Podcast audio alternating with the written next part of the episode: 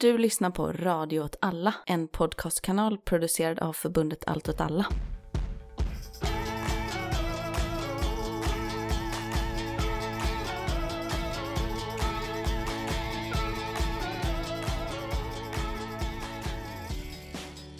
Hej och välkomna till ett extrainsatt avsnitt angående pågående kriget i Israel och Palestina. Jag heter Miran Andersson och du heter? Martin Hansson och det här är podden Eld och rörelse. Ja. En podd om krig och konflikter. Morgonen den eh, 7 oktober, halv sju på morgonen, lokal tid, drogs det iväg ett eh, raketangrepp från Gazaremsan mot eh, israeliska städer och samhällen. Mellan 3000 till 5000 raketer avfyrades under ungefär 20 minuter. Tycks ha överbelastat Iron Dome, luftvärnssystemet och eh, hade relativt stor eh, effekt för att vara en av de här raketangreppen. Man har sett innan att det har skjutits raketer på det sättet från Gaza, fast menar du att de avfyrade många exakt samma tid liksom? Att det var det som gjorde skillnad den här gången då? Antagligen är det därför de har haft relativt stor effekt. Fem personer dödades av raketattackerna, en hel del infrastruktur. Strax därefter så går det ganska fort och det är lite svårt att få ordning på i vilket skede exakt allting hände. Som jag uppfattar situationen så har det skett en infiltration från Gazaremsan där en eh, relativt liten grupp eh, soldater från Qassam-brigaderna Som är Hamas väpnade styrkor då? Hamas väpnade styrkor har eh, infiltrerat i flera riktningar ut från Gazaremsan. Och när du säger infiltrerat så betyder det att man kanske gör ett anfall liksom i smyg på något sätt? Man verkar ha gjort det dolt, eh, antagligen då via tunnlar, infiltration internt i Israel, så att säga. Och vad som tycks vara via också då hanggliders. Just det, det har man sett mycket bild och film på. Ja, det får vi anta i ganska liten utsträckning det har skett. Men det tycks ha skett. Och det ska väl också sägas att infiltration verkar ha skett via båtar också, till havs till viss del. De utför snabbt anfall, vad jag tolkar det som, både mot rent civila mål, både i kibbutzer och i Esterot. Och parallellt utför angrepp mot noder i israeliska försvarsmaktens IDFs styrningsled helt enkelt för detta. Parallellt med det här så sker det också ett angrepp inifrån Gaza gentemot eh, muren och den liksom barriärer som finns runt Gaza. Där man anfaller gränsövergångarna då, eller checkpoints helt enkelt. Intressant nog så är många av de filmerna visar väldigt få israeliska soldater. Och vissa platser är de helt övergivna, vilket jag tolkar som att man har lyckats initialt skapa så pass mycket oreda och panik i de israeliska linjerna att man har svårt att bedöma hur stort anfallet är och att man helt enkelt genomför en reträtt från de första försvarslinjerna så att säga, eller vakt. Positioner, ja. Så man helt enkelt överger sitt beskydd av muren till viss del och drar sig tillbaka. Och de verkar ju verkligen ha dragit sig tillbaka. För det som följer är ju en både angrepp på direkt civila mål, där det inte råder någon tvekan om att det är civila mål. Man, man angriper bland annat kända Rave-festivalen, där jag läst siffror på 260 Mm. döda. Men även mål som är mer eh, quasi-militär, eh, Alltså bosättare som är beväpnade men som inte ingår i militären då till ja, exempel? här. polisstationer till exempel. Okej. Mm. Som ju, framförallt polisstationen i Esterot, ockuperar man ju och håller eh, fram tills den eh, natten den 7 oktober, morgonen den 8 oktober. Det är väl oklart om det fortfarande pågår strid, det ska jag inte ta gift på. Raketbeskjutningarna fortsätter ju under den åttonde i mycket mindre skala och även idag den 9 oktober när vi spelar in. Jag tror att ni lyssnar på detta i natt eller imorgon bitti. Eh, den 10 oktober, det beror på hur snabbt du får det klippt. En stor mängd eh, civila och militär personal tas som eh, fångar, kidnappas eh, i det civila fallet och tas till fångar i det militära fallet. Och det räknas upp till över 100 som är gisslantagande. Alla siffror är ju extremt diffusa just nu, ska jag säga så. Jag tror inte någon egentligen vet, eh, eftersom att det råder så pass stor oreda. De tas också tillbaka in i Gaza i hög utsträckning då, genom de här öppna gränspassagerna och så liksom. Precis. Och där någonstans under den sjunde så deklareras ju på något sätt en krigsliknande tillstånd. Säkerhetskabinetten i Israel har ett möte. Vi får först den åttonde vi får beskedet att Israel befinner sig i krig. Ska sägas att den här händelsen sker ju i princip på årsdagen av Jom Kippur-kriget. Det är ju 50 år sedan. Så att det används delvis som förklaring till varför eh, IDFs posteringar är så pass underbemannade som de är. Eftersom att de likt Jom Kippur för 50 år sedan, hade tillåtit en stor mängd eh, permissioner under den här. Det ska jag hålla osagt, men det spekuleras i det. Israel går ut, mobiliserar, någon mer kallar in reservister, det börjar pratas om att 100 000 reservister ska kallas in, det börjar pratas om att det råder ett fullständigt krig, att alla... 300 000 var också någonting jag läste. Precis, det här tänker jag nu på den sjunde. Ja, ja. Men den siffran har kommit att växa. Egypten, det här är lite oklart var den här informationen kommer ifrån, men Egypten som ju har agerat medlare i den här konflikten under lång tid och varit liksom den som har, Pratat med båda sidor. helt enkelt ja, eh, säger att Hizbollah har gått ut med ett eh, Eh, med sitt, liksom sina förhållningsregler till den här konflikten och säger vi kommer att lägga oss i ifall Israel påbörjar en markoperation in i Gaza. Då kommer Hizbollah. Men under den åttonde så börjar det ske mindre sammandrabbningar vid den norra gränsen då, gränsen mellan Israel och Libanon. Mest raketbeskjutning va? Granatkastare och raketbeskjutningar. Hizbollah la bland annat upp en film där de besköt en, jag tror det är en radarstation, en varningsradarstation uppe vid, vid gränsområdet. Där de beskjuter med en granatkastare. Och det tolkas väl lite som att det var för show också liksom. Ja, de ska ju också vara med. Så Ja. de får ju göra något liksom. Natten mellan den sjunde och den åttonde så angriper israeliskt flygvapen, någonstans mellan 400 till 500 mål, i Gaza. Och då alltså inte i staden utan i Gazaremsan i sin helhet. En stad bedöms väl i princip ha blivit ju helt Jämnade med marken. jämnad mark. Under natten så börjar liksom IDFs också stora markoffensiv, eller motoffensiv då på något sätt, påbörjas. Där man eh, går in och eh, återerövrar vad man definierar som förlorat territorium. Försöker hantera isolerade gisslansituationer som uppstått. Man tar ju bland annat tillbaka då Västerorts polisstation som jag nämnde tidigare. Al-Qassam, eller då Hamas, går ut och säger att de har roterat förbanden. Så de har liksom tagit tillbaka dem. Den första vågen som de skickade in. Ja, och nu roterar in nya liksom. Och idag då så har Israel angripit upp mot 500 nya mål. När vi spelar in så pågår bombningen av Gaza. Ja, det är väldigt svårt att säga någonting om dödssiffror där ännu. Men många. Och IDF påbörjade en evakuering igår, då den åttonde, där man vill evakuera i princip alla samhällen runt Gazaremsan. Och nu då pågår ju liksom förarbetet på något sätt för en total belägring av Gaza eller eventuellt en markoperation. Vi kommer väl komma och spekulera i det alldeles strax. På Västbanken har det också varit, det ockuperade Västbanken har det också varit stridigheter, inte i samma skala. Och sen har vi ju händelserna med idag att det har varit en infiltration. Det är palestinska islamiska jihad som har tagit på sig den uppe vid norra gränsen. Men det är fortfarande många frågetecken runt den här under tiden vi spelar in. Senast jag läste så uppgav israelisk media att sex soldater hade blivit sårade, varav flera allvarligt och minst en livshotande. Dödssiffrorna som det ser ut just nu är ju att Israel pratar om 7 till 800 döda. Det är oklart vilka kategorier, om de är civila eller om de är militära, men majoriteten lär vara civila och det vi har sett tidigare. Över 2000 sårade. Palestinska myndigheter rapporterar runt 500 döda, över 3000 sårade och eh, 120 000 på flykt. Mm. Sen kan det väl nämnas att precis innan vi började spela in så började det spridas att en medlem i Hizbollah har blivit dödad i israeliskt luftangrepp på södra Libanon. Och att eh, Hizbollah har gått ut och sagt att de ska svara enligt deras föreskrifter för ett sådant läge. Så stämningen är ju extremt spänd där uppe. Det skulle jag väl säga är en sammanfattning av det nuvarande läget. Mm. Du har säkert följt det här bättre än jag, men jag tycker det stämmer överens med vad jag har hört. Ja, vilken ände börjar man i? Nej, precis. Det finns ju liksom lite olika vinklar som vi kan både prata om. Vad ska man tycka om det här? Men också liksom, hur förstår man vad som händer? Varför händer det just nu?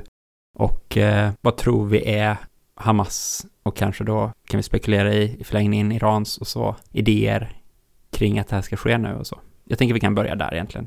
Vi började geopolitiska. Ja, precis.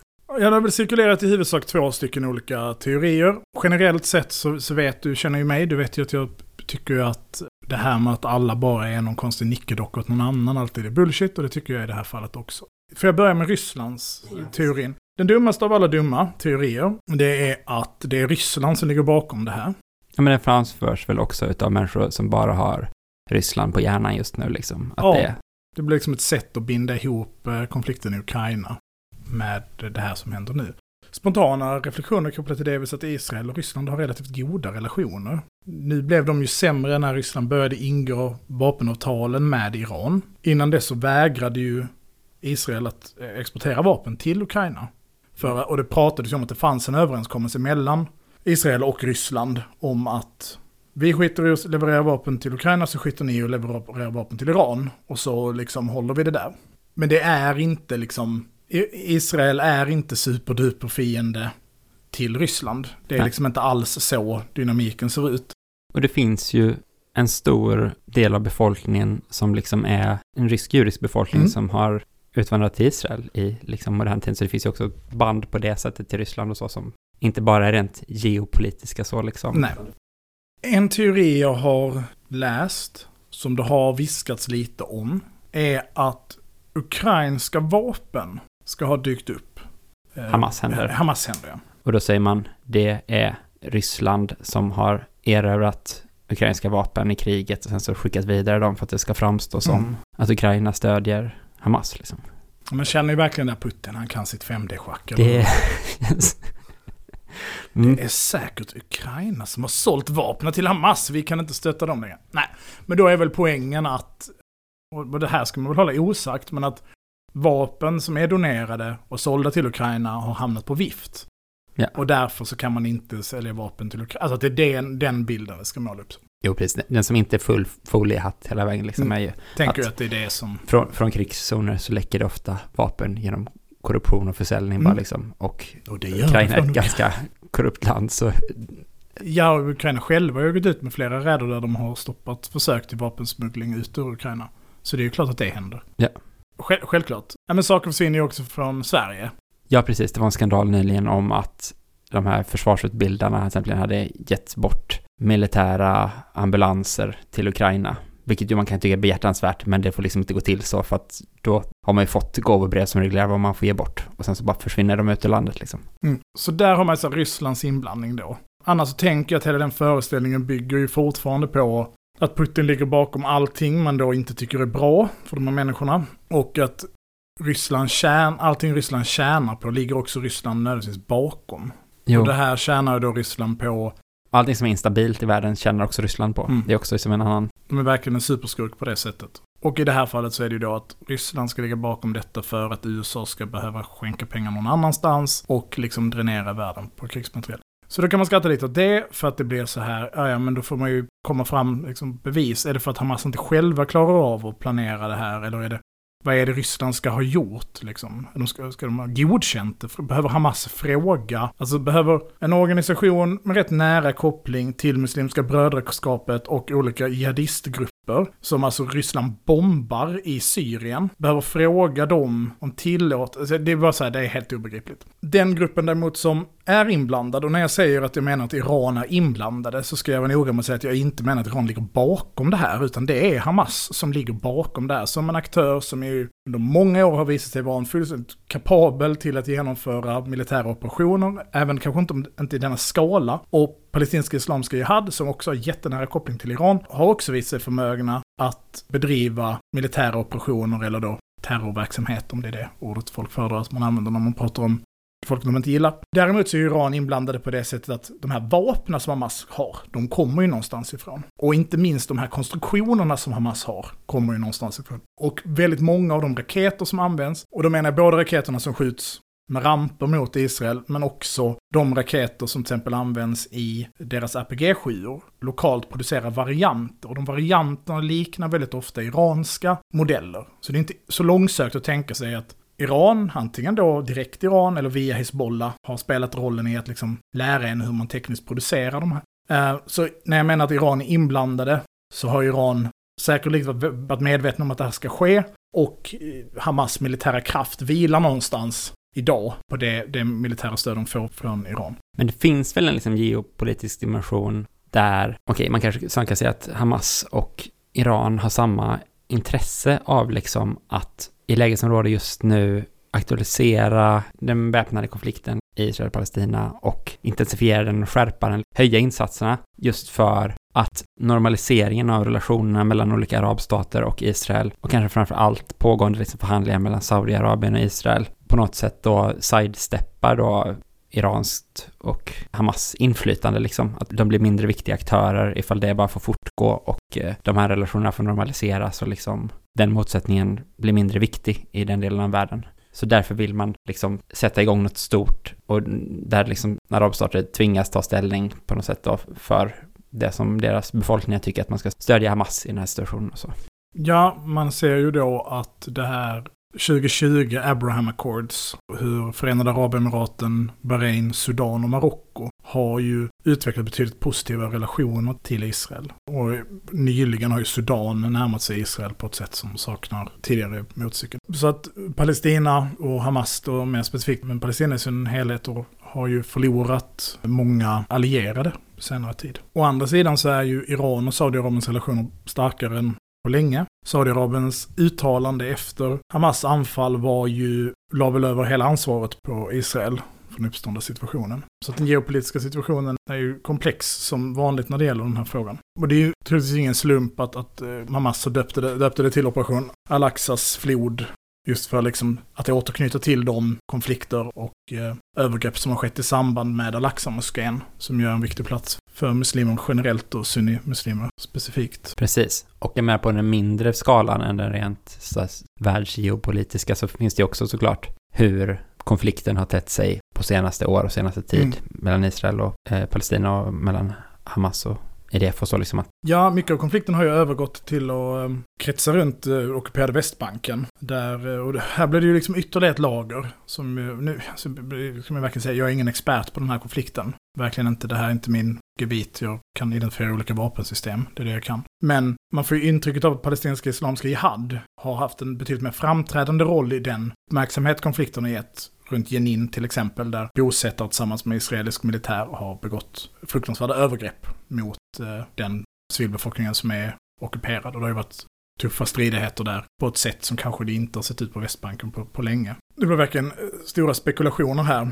Mm, Okej, okay. men ifall vi säger så här då istället. Vad tror du man kan vinna på det här från Hamas håll? För en reaktion är ju att man bara tänker, okej, okay, de gör det här. Det är såklart ett liksom väldigt oväntat drag från alla på något sätt. Det går mycket sämre för Israel än vad någon hade föreställt sig och eh, det är ett jättestort slag liksom mot Israel och IDF och så liksom på ett sätt. Men å andra sidan så tänker man, ja, men nu kommer ju liksom det resulterar i en reaktion där de bara kör över och liksom kanske de markockuperar hela Gaza igen och så. Och det vet ju Hamas om. Så vill de att det ska hända? Varför vill de det? Vad är den långsiktiga planen från deras sida i det här? Det finns ju lite olika spår. Jag, jag, tror för det första så även om eh, politik har liksom sina materiella grunder och det drivs av, av objektiva faktorer och så vidare så drivs ju också den här typen av processer av direkt av mänskliga känslor. Och jag menar inte att överpsykologisera det men som du säger så är det, man kan ju få intrycket av att det är ett hopplöst kaos på något sätt. Att att det här agerandet kommer leda till en, en drakoniskt svar från Israel. Det ser vi hända just nu. Man har stängt vattnet, man har stängt elen. Man pratar om att fullständigt belägra staden. Alltså det innebär ju att man tänker belägra två miljoner människor på ett sätt som inte, det är ju ett folkmord som sker. Du kan inte stänga av vatten. Man är förpliktad enligt alla, alla krigets lag att evakuera civila från stridszoner och så vidare. Vi kommer till den moraliska aspekten sen, men jag vill bara liksom säga det så att de, ur Hamas perspektiv, människor som är nära kopplade eller uppvuxna på Gazaremsan, som är en fruktansvärd plats på alla sätt och vis. Det man pratar om att jämföra med ett, ett utomhusfängelse. Jag skulle säga att det är en ganska snäll jämförelse med vad Gaza är. På, på ett svenskt fängelse kan du förvänta dig rent dricksvatten, du kan förvänta dig mat, du kan förvänta dig elektricitet. De flesta västländer så, så får du tillgång till grundläggande medicin till exempel. Ett israeliskt fängelse är att föredra framför Gazaremsan. Det är också människor som befinner sig där som är, är inte dömda för någonting. De, det finns en geopolitisk eller finns en nationella konflikter och etniska konflikter. Ett krig som kanske har lett fram till ett Gazaremsans uppståndelse och historiska följder. Men människorna, många människor med den låga genomsnittsåldern på Gaza har ju inte varit inblandade i det. Och de här människorna är ju det, Al-Qassam, det är det, det den här väpnade rörelsen drar sin kraft ur. Det är ju de här människorna. För att det är det som är ett krig. Det är en stor process med många människor. Hamas makt, eh, som alla eh, stater eller protostater, bygger ju liksom på, på en rad olika saker. Möjligheten i ekonomisk ersättning för utförda tjänster, trygghet, liksom massa faktorer. Men en så specifik organisation som Hamas, eller palestinska islamska jihad, även om de skiljer sig åt på vissa sätt, eller PLO för den delen, drar sin kraft ur de här emotionerna, de här känslorna människor har. Det innebär att du måste ju också någonstans producera det, de här emotionerna, du måste få utlopp för de här emotionerna. Och för de människorna som är där så är ju alternativet antingen att inte ha en väpnad konflikt och eventuellt dö den, eller bara dö. Långsamt, men ändå. Och då tvingas det ju hela tiden till handling. Alltså Hamas har, utan, utan krig har Hamas inget inflytande. Alltså så enkelt är det. En motståndsrörelse som inte begår motståndshandlingar är ingen motståndsrörelse. Det är superenkelt. Så Hamas tryck drivs ju hela tiden och det är väl säkert, alltså jag har ingen aning vad ledarskiktet i Hamas tänker, men, men de har, drivs väl också av de här emotionerna, av sår och trauman som den här typen av konflikter skapar. Och det, det ska jag till, det sker ju på båda sidor, det är ju en spiral. Så att jag tänkte en faktor i det här är nog bara så enkel som det här av liksom den organiska situationen så tvingas den här typen av händelser att ske. Mm. Det behöver inte finnas en realistisk långsiktig plan Nej. som säger för vi gör A så blir det B så blir det C och då vinner vi på det. Utan bara så, vi förlorar som det är, vi gör bara något för att då har vi i alla fall gjort något och det kanske leder till en annan öppning liksom. Ja, det tänker jag är ett Mm. perspektiv. Ett annat perspektiv är ju parallellen till Tet-offensiven. Och det är ju att, vi pratar ju om de här politiska, de här sfärerna av kriget, att det finns en militär sfär av ett krig och så finns det en politisk sfär av ett krig. Och så, så löper de här sfärerna, de rör sig liksom parallellt med varandra, men på vissa delar så, så är de liksom ur led och har inte alls med varandra att göra egentligen. Och oavsett om Israel så bombar Gazaremsan ner och asfalterar hela jävla skiten, så har Hamas vunnit det här. För de gjorde det som ingen kunde tro att de skulle göra på ett sätt liksom. Tet-offensiven var ett militärt misslyckande för Nordvietnam. Men det är inte så en jävel kommer ihåg Tet-offensiven. De tog hiskeliga förluster, nu nådde väl i princip inga av de strategiska målen de hade på det militära planet, men på det politiska planet så kommunicerar de den här fighten är inte över. Vi har inte gett oss, vi kan fortfarande göra det här. Det vinner ju Hamas i den här situationen. De säger, vi är inte ute för räkning. Precis. Och nu säger man så här typ, det här stöttar bara de extremhöga krafterna i Israel och så.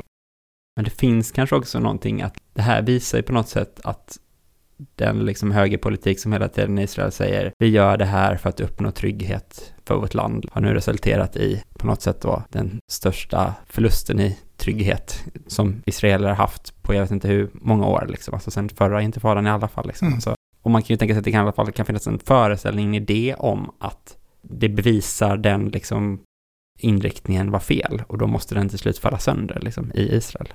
Alltså jag tänker, jag, jag, jag tror också den här, nu enas eh, alla under Netanyahu, så jag tror inte ett skit på det. Utan jag tror att det som kommer hända är att det kommer vara initialt så. Alltså nationalismens rush var, vi måste straffa de som har gjort det här, jag vill ha upprättelse för mitt döda barn som har blivit dödade av de, de här svinen.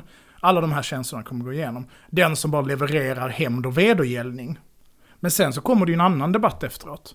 Som är så, var fan var IDF någonstans? Ifall vi lägger så här stor del av vår, av vår budget på försvaret, om vi lägger alla de här pengarna på att bygga upp den här extrema militärindustriella komplexet som finns i Israel, och ni är i Jenin och skyddar bosättare, som Breaking the Silence, IDF-veteraners, eh, kritiska till, till, eller kritiska, men liksom kritiska till ockupationen av Palestina, utgav det uttryck för sig. Men vi har ju, varför har vi soldater i Jenin som skyddar bosättare när vi inte har soldater till att, till att skydda gränsen mot Gaza? Och den debatten kommer att komma. Den debatten kommer att komma så, men varför visste ni inte det här? Och nu då det cirkulerar ett rykte om att Egypten har varnat. Jag vet inte, jag, jag är skeptisk till det, men de har varnat Israel och sagt det är något stort, det är något stort på, gång, det verkar vara något stort på gång liksom. Jo, Så- men annars är frågan varför fanns det ingen underrättelse som hade koll på det här liksom? Oavsett ifall de fått någon varning eller inte, varför Mm. visste vi inte detta liksom? Vi skulle ju vara bäst. Vi skulle ju vara bäst, för det är det här vi ska kunna. Liksom. Mm. Den debatten kommer att komma. Och Netanyahu har ju också varit den som har velat spela ner konflikten om det palestinska området. Alltså det finns ju också en dimension i det. Medan fokuserat mycket mer på, dem, på konflikten med grannstaterna till exempel. Ja, vem kommer efter honom? Det finns ju ännu mer Jo, jo, visst. fascister visst, liksom visst. i, Ja. Israel, så det är ju... Nej, jag vet inte, det känns, det känns också som att det blir extremt spekulativt liksom, Mm. såklart, uppenbart. Men jag tror inte man så enkelt kan säga att ett angrepp Nej. enar ett land och minskar politiska spänningar, utan ibland så låter det tvärtom. Tet-offensiven återigen. Tet-offensiven var inte ett militärt misslyckande för USA. Mm. Det var inte det. Sen är inte det här Tet-offensiven på massa andra plan och eh, Israel kan inte bara packa ihop och ge upp. Säga fuck det här, vi, vi skiter det här kriget. Och det gjorde ju heller inte USA från eh, 75 eller vad fan det var. Så jag menar, det dröjde ju ett tag. Men det som kan hända är att det kan ändra idén om konflikten. Ja. Att det, så här, det räckte inte att lägga alla de här miljarderna på övervakningsutrustning och teknologi och bygga den här jävla muren och så skulle det vara lugnt liksom. Vi kan aldrig ha den sortens kontroll, för det kan man inte ha. Nej. Kanske man kommer fram till, vem vet. Okej, ja, vi är inne på det nu då, men liksom, vad tänker man om det här och eh, på något sätt också typ vänsterns olika reaktioner och inbördes strider som nu utspelar sig om vad man får tycka och inte får tycka i den här frågan liksom.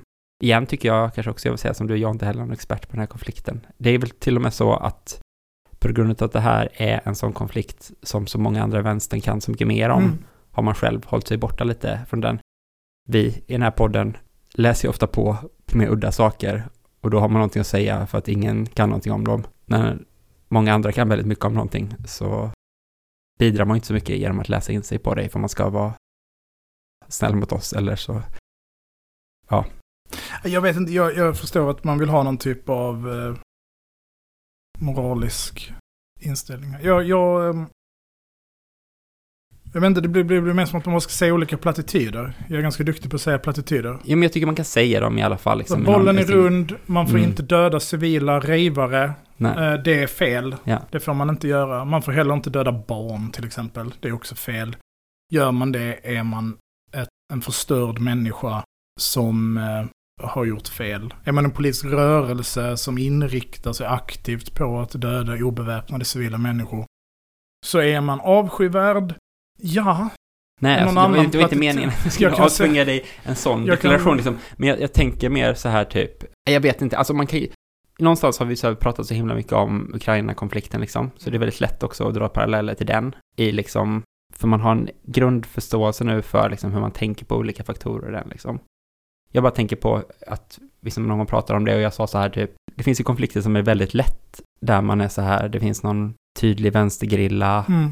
den kämpar mot ett uppenbart orättfärdigt förtryck liksom. Man stödjer alltid det. Det finns andra konflikter som är mycket mer suddiga, där det är liksom två genomruttna sidor som slåss om något genomruttet mot varandra liksom. Men Ukraina-konflikten, det ligger ändå däremellan där den ryska invasionen bara är ett orättfärdigt krig liksom.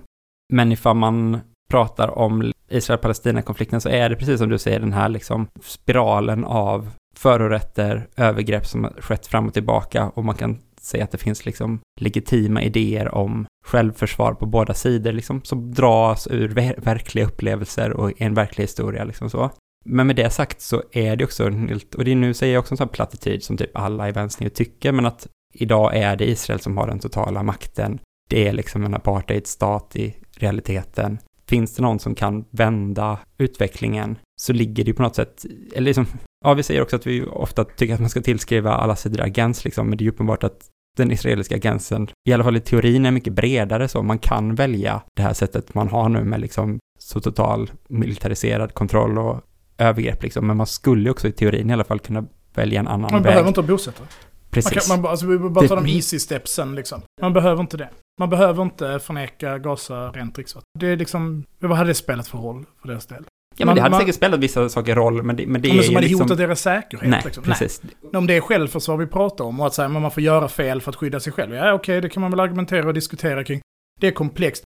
Och jag vet inte, jag, jag är ju inte så jätteintresserad, du känner ju mig. Mm. Jag är inte så jätteintresserad av gott och ont och så. Nej, jag, jag tror ju inte på just de koncepten, precis, gott och ont, men- överhuvudtaget. Du, liksom. du vet liksom när jag resonerar för om barn och religiösa och fantasyromaner liksom. Ja, men, men jag, det är väl mer processerna jag tycker är spännande. Jag vill Mm. förstå dem, jag vill förstå hur det blir så här.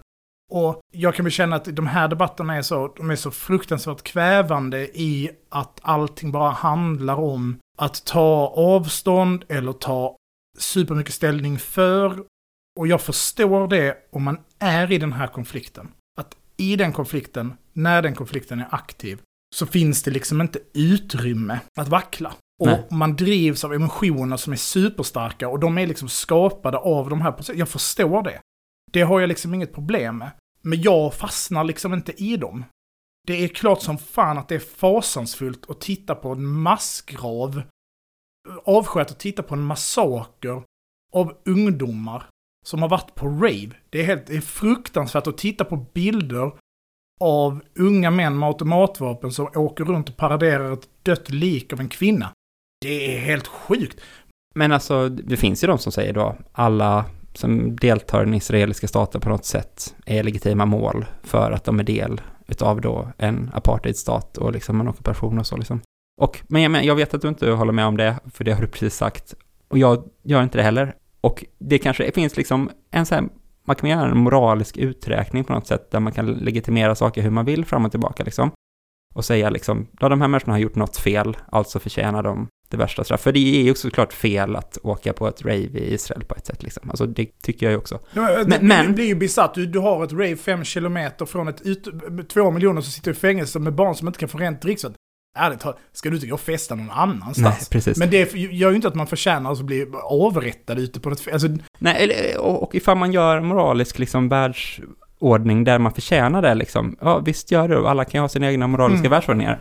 Men i det andra perspektivet är det, tänker jag ju, är så att, typ att du kan aldrig bygga, samla människor i en rörelse som kan liksom kämpa för en förändring och vinna den förändringen av världen ifall du bygger den på en sån moral där liksom människor som tänker och tycker korkade saker eller agerar så förtjänar bara döden direkt liksom. För det blir också så här typ, ja, då ska alla människor i Sverige dö, för vi lever i ett land som är del av någon liksom neokolonial utsugning av tredje världen. Alltså så här, mm. ja, lycka till att ha den vänstern liksom där det är någon människa som kan uppnå någonting i Nej. sådana fall. Men samtidigt så, samtidigt så blir det väl också att... att det, här är, det här är känslig mark att gå på, så jag ska väl vakta min tunga ordentligt. Men nämn den motståndsrörelse. Nämn den revolutionära grupp som vi i efterhand, de flesta människor i hela världen, bedömer vara rättfärdiga. Nämn den som inte har dödat civila människor. Alltså nationens spjut, ANCs väpnade gren, begick terrorattentat. De dödade civila människor med bomber. Jo, men jag, jag kan tycka så, man kan liksom typ säga nationens spjut hade en rättfärdig mål och deras angrepp på militära installationer och så var rättfärdigt, men när de angrep civila så var det fel. Nej men precis. För att liksom, på samma sätt kan man säga, tänker jag, om det palestinska motståndet, att man liksom tycker att det är principiellt rätt att man får göra uppror mot sina förtryckare, men att när någon i den rörelsen då begår övergrepp mot civila så får man säga att det i sig är fel. Liksom. Ja. Ja men självklart. Själv, och, Ja. och, och jag menar, Det kanske är också ju igen så- plattityder här, ja. ja. Sen är det väl också så, Hamas är inte ANC. Det finns ju liksom hela den dimensionen. Som Precis, och som diskutera. det blir ju Så- här, den här jämförelsen med Ryssland och Ukraina igen då. Det blir ju lite som att man är så typ, ja, Ukraina har rätt till det självförsvaret, men så finns det de här nazisterna i Ukraina, Mm, jag vet, jag tänkte... och de tycker ja, vi liksom inte ja. om så. Och typ, ja, vi gråter ju inte när de dödar ryska ockupationssoldater liksom. För, alltså för de ryssarnas skull. Mer på att vi inte vill att någon ska bli död, men alltså så liksom. Mm. Och på samma sätt kanske vi inte heller är jätteledsna när Ryssland dödar dem, liksom. Alltså för att det är nazister som dör så typ. Mm. Men här är det ju som att liksom den ledande gruppen är liksom inte den palestinska myndigheten och sen så är Hamas en liten bihang, utan det är de här motsvarande ukrainska nazisterna som leder hela det här anfallet liksom. Det blir också en annan situation på ett sätt då liksom. Nej, du menar liksom att det är en politisk kraft som du inte alls identifierar dig med, som är den kraften med kontroll eller den kraften Ja, med förmågan precis. att göra det här. Ja, Så då blir det mer att man kanske bara betraktar det utifrån och säger så här typ, ja, jag är inte ledsen när Hamas dödar israeliska soldater så, för de israeliska soldaternas skull. Men jag är inte så ledsen över Hamas-krigare som dör heller liksom. Alltså, och så bara, alltså, Mm. det en, i den utsträckningen liksom bara ett, ett tragiskt dödande fram och tillbaka liksom. ja, Ja men sen så kan man ju vara så, och det är ju också en lätt så här vänster-take att säga då, nej precis, men jag stöder PFLP. ja eller DFLP eller som också deltar i, i striden. Precis, som också deltar och som också stödjer Hamas. Mm. Så det blir också konstigt då att man ska stödja dem, men inte Hamas, men så stödjer de i sig Ja, Hamas-aktioner. jag är liksom inte Det alls, blir, känner inte det intresset. Jag, jag, jag, där är det processen. På samma sätt som vi har pratat om Assov till exempel. Så, så eh, jag tycker inte det är så konstigt att eh, Ukraina använder Assov. Jag tycker inte det är så konstigt att, att eh, jag Hamas har kommit vid makten. Och, och de här Hamas-soldaterna som dör, jag kan förstå hur de har hamnat där. Och de, det gör inte dem till några liksom, dåliga människor. Däremot de som skjuter ihjäl civila i Esteråt eh, verkar ju vara riktigt, riktigt paj i huvudet. Och, och må fruktansvärt dåligt och är as. För, Jo, så där får man jag liksom tänker inte mig att göra. det är i stort sett är samma... Ja men det är skillnad på grupp liksom att åka ner till Assov från om man är från Sverige. Ja, alltså, ja, ja, okej, Mm. det var det som var det. Nej, Ja, visst. Nej, att Ja, det, det är mm. liksom jag, och det är väl de här processerna då. Det är väl det Mm. som är, och det blir ju också frågan. Frågan, men det finns ju liksom ytterligare en dimension av det här som ju handlar om upprorsbekämpning. Som är, och, och här får man liksom skilja på israeler och bosättare och militärer och liksom alla de här olika sfärerna. För, för jag menar det femåriga pojken i Tel Aviv förtjänar liksom inte att dö. För han bor där liksom. Så, för, Ingen väljer sina föräldrar Nej, och liksom, nej, man när man inte ens har varit ja. liksom vuxen, att Mm. man kan få bestämma själv, då finns det ju inga ursäkter liksom. som- Nej, och, och menar det är, det, är, det är komplext liksom. Men om man då har när man då har så här, men vi har den här processen, vi har den här militära övermakten som du pratar om, och Israel väljer att lägga sina resurser för att hantera det här väpnade upproret på det sättet de gör, så är det ju väldigt tydligt att de inte är intresserade av någonting annat än en väpnad konflikt.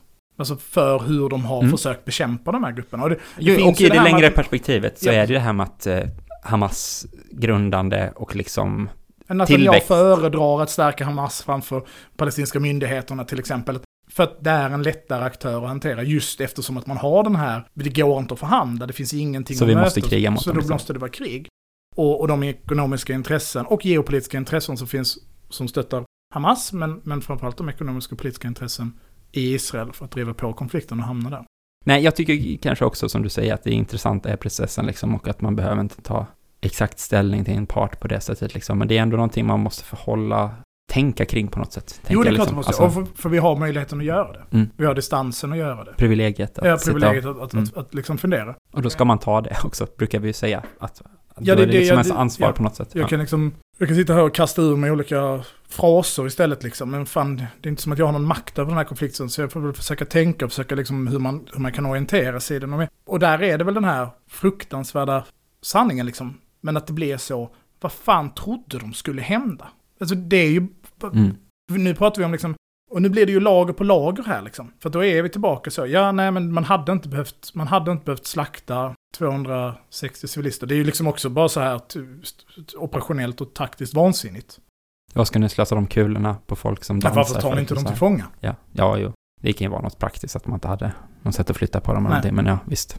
Alltså, det, det, det låter ju bisarrt, men det är ju hat. Det är ju ett hat som ju är sprunget ur ge- generationellt trauma, antisemitism. Alltså så självklart är det ju så Mm. liksom. De här den etniska konflikter, det är ju så här etniska konflikter tar sig uttryck. De är ju alltid fruktansvärt blodiga. Och vill man liksom prata om civila och liksom, det kan man hålla på och nyansera och blame-gamea precis så mycket man vill. Det är bara att gå in och googla på mängden civila palestinier som dog 2022 liksom. Eh, I relation till mängden civila israeler som dog 2022. Jo, är det som kommer dö nu? Äh, som dör Kommer- eh, ja. just nu när vi, när vi pratar. Jo, men det är, nu är det väl typ liknande siffror på båda sidor, men om, om någon vecka Jo. så kommer det ju vara mångdubbelt fler döda palestinier såklart. Och det är ju så tydligt att det som har hänt nu, både då för att, och det är väl nästan där det blir mest, det kanske är värt att ge den kommentaren när vi pratat svinlänge här. Men det är en liksom floddamm av hat mot araber som den här situationen öppnade liksom. I Sverige liksom, Ja. och, eller i västvärlden generellt liksom. Ja, visst. Och alla liksom idiotiska, alltså det dummaste av allt det dumma är ju biståndsstoppandet, men framför allt att Sverige skulle börja exportera vapen till Israel. Mm. Bara, åh, Israel, bara, fan de behöver verkligen lite Carl Gustaf. Det är precis det de letar efter. Nej, det är verkligen så här ondhetssignalering Ja. eller något liksom att det, ja. Det får ingen riktig effekt. Vi ska bara visa att Och vi så, är minsann så sitter för, folk så här liksom. på internet och är så. Hur kunde de döda de här civila israelerna? Vi borde döda alla palestinier. Man bara så, du bor i Sverige. Ja, nej. Så och du hör inte själv vad du liksom, vilken Nivå av process du själv befinner ja. dig i när du är så. Det är fel att döda civila, alltså måste vi döda alla civila. Döda alla civila som svar på att det är fel att döda civila i det här kriget i ett land långt borta från mig. Mm, nej. Ja, det är ju verkligen, det är liksom, där är ju debatten. Ja, nu snävar vi in oss. Jag är helt övertygad om att det blir en markoperation in i Gaza. Det ska bli spännande att se om Hizbollah svarar. Spännande är ett makabert uttryck i sammanhanget, men det ska bli när deras eh, hot... Att ifall Israel går in markvägen så ska Hizbollah lägga sig i liksom. Ja. Kommer det realisera sig? Kommer Ja. det realisera sig bara symboliskt eller som en Ja, faktisk och vad ska de, liksom? vad ska de göra? Um, skjuta enorma mängder raketer. Jag tror man gör bedömningen att Hizbollah har som max haft 30 000 raketer. Förlåt, Hamas har haft ett, ett raketlag av maximalt 30 000 raketer. Det, det är en siffra, det är länge sedan jag läste om det. Och man bedömer att Hizbollah har 150 000 raketer. Så det är, Idag liksom. Ja, idag. Det, det ingår i tidigare raketanfall så har de haft 30 000 att jobba med. Nu har de fem Nej, gånger så nej. mycket. Att Hamas har. Att Hamas sa har Okej, som maximalt lager av 30 000 raketer medans eh, Hizbollah har 150 000 och fria gränser in till Syrien bland annat. Mer eller mindre fria gränser in till Syrien. Har Nära relation till Iran. Men ehm, en markinvasion av Gaza kommer att bli fruktansvärt blodigt.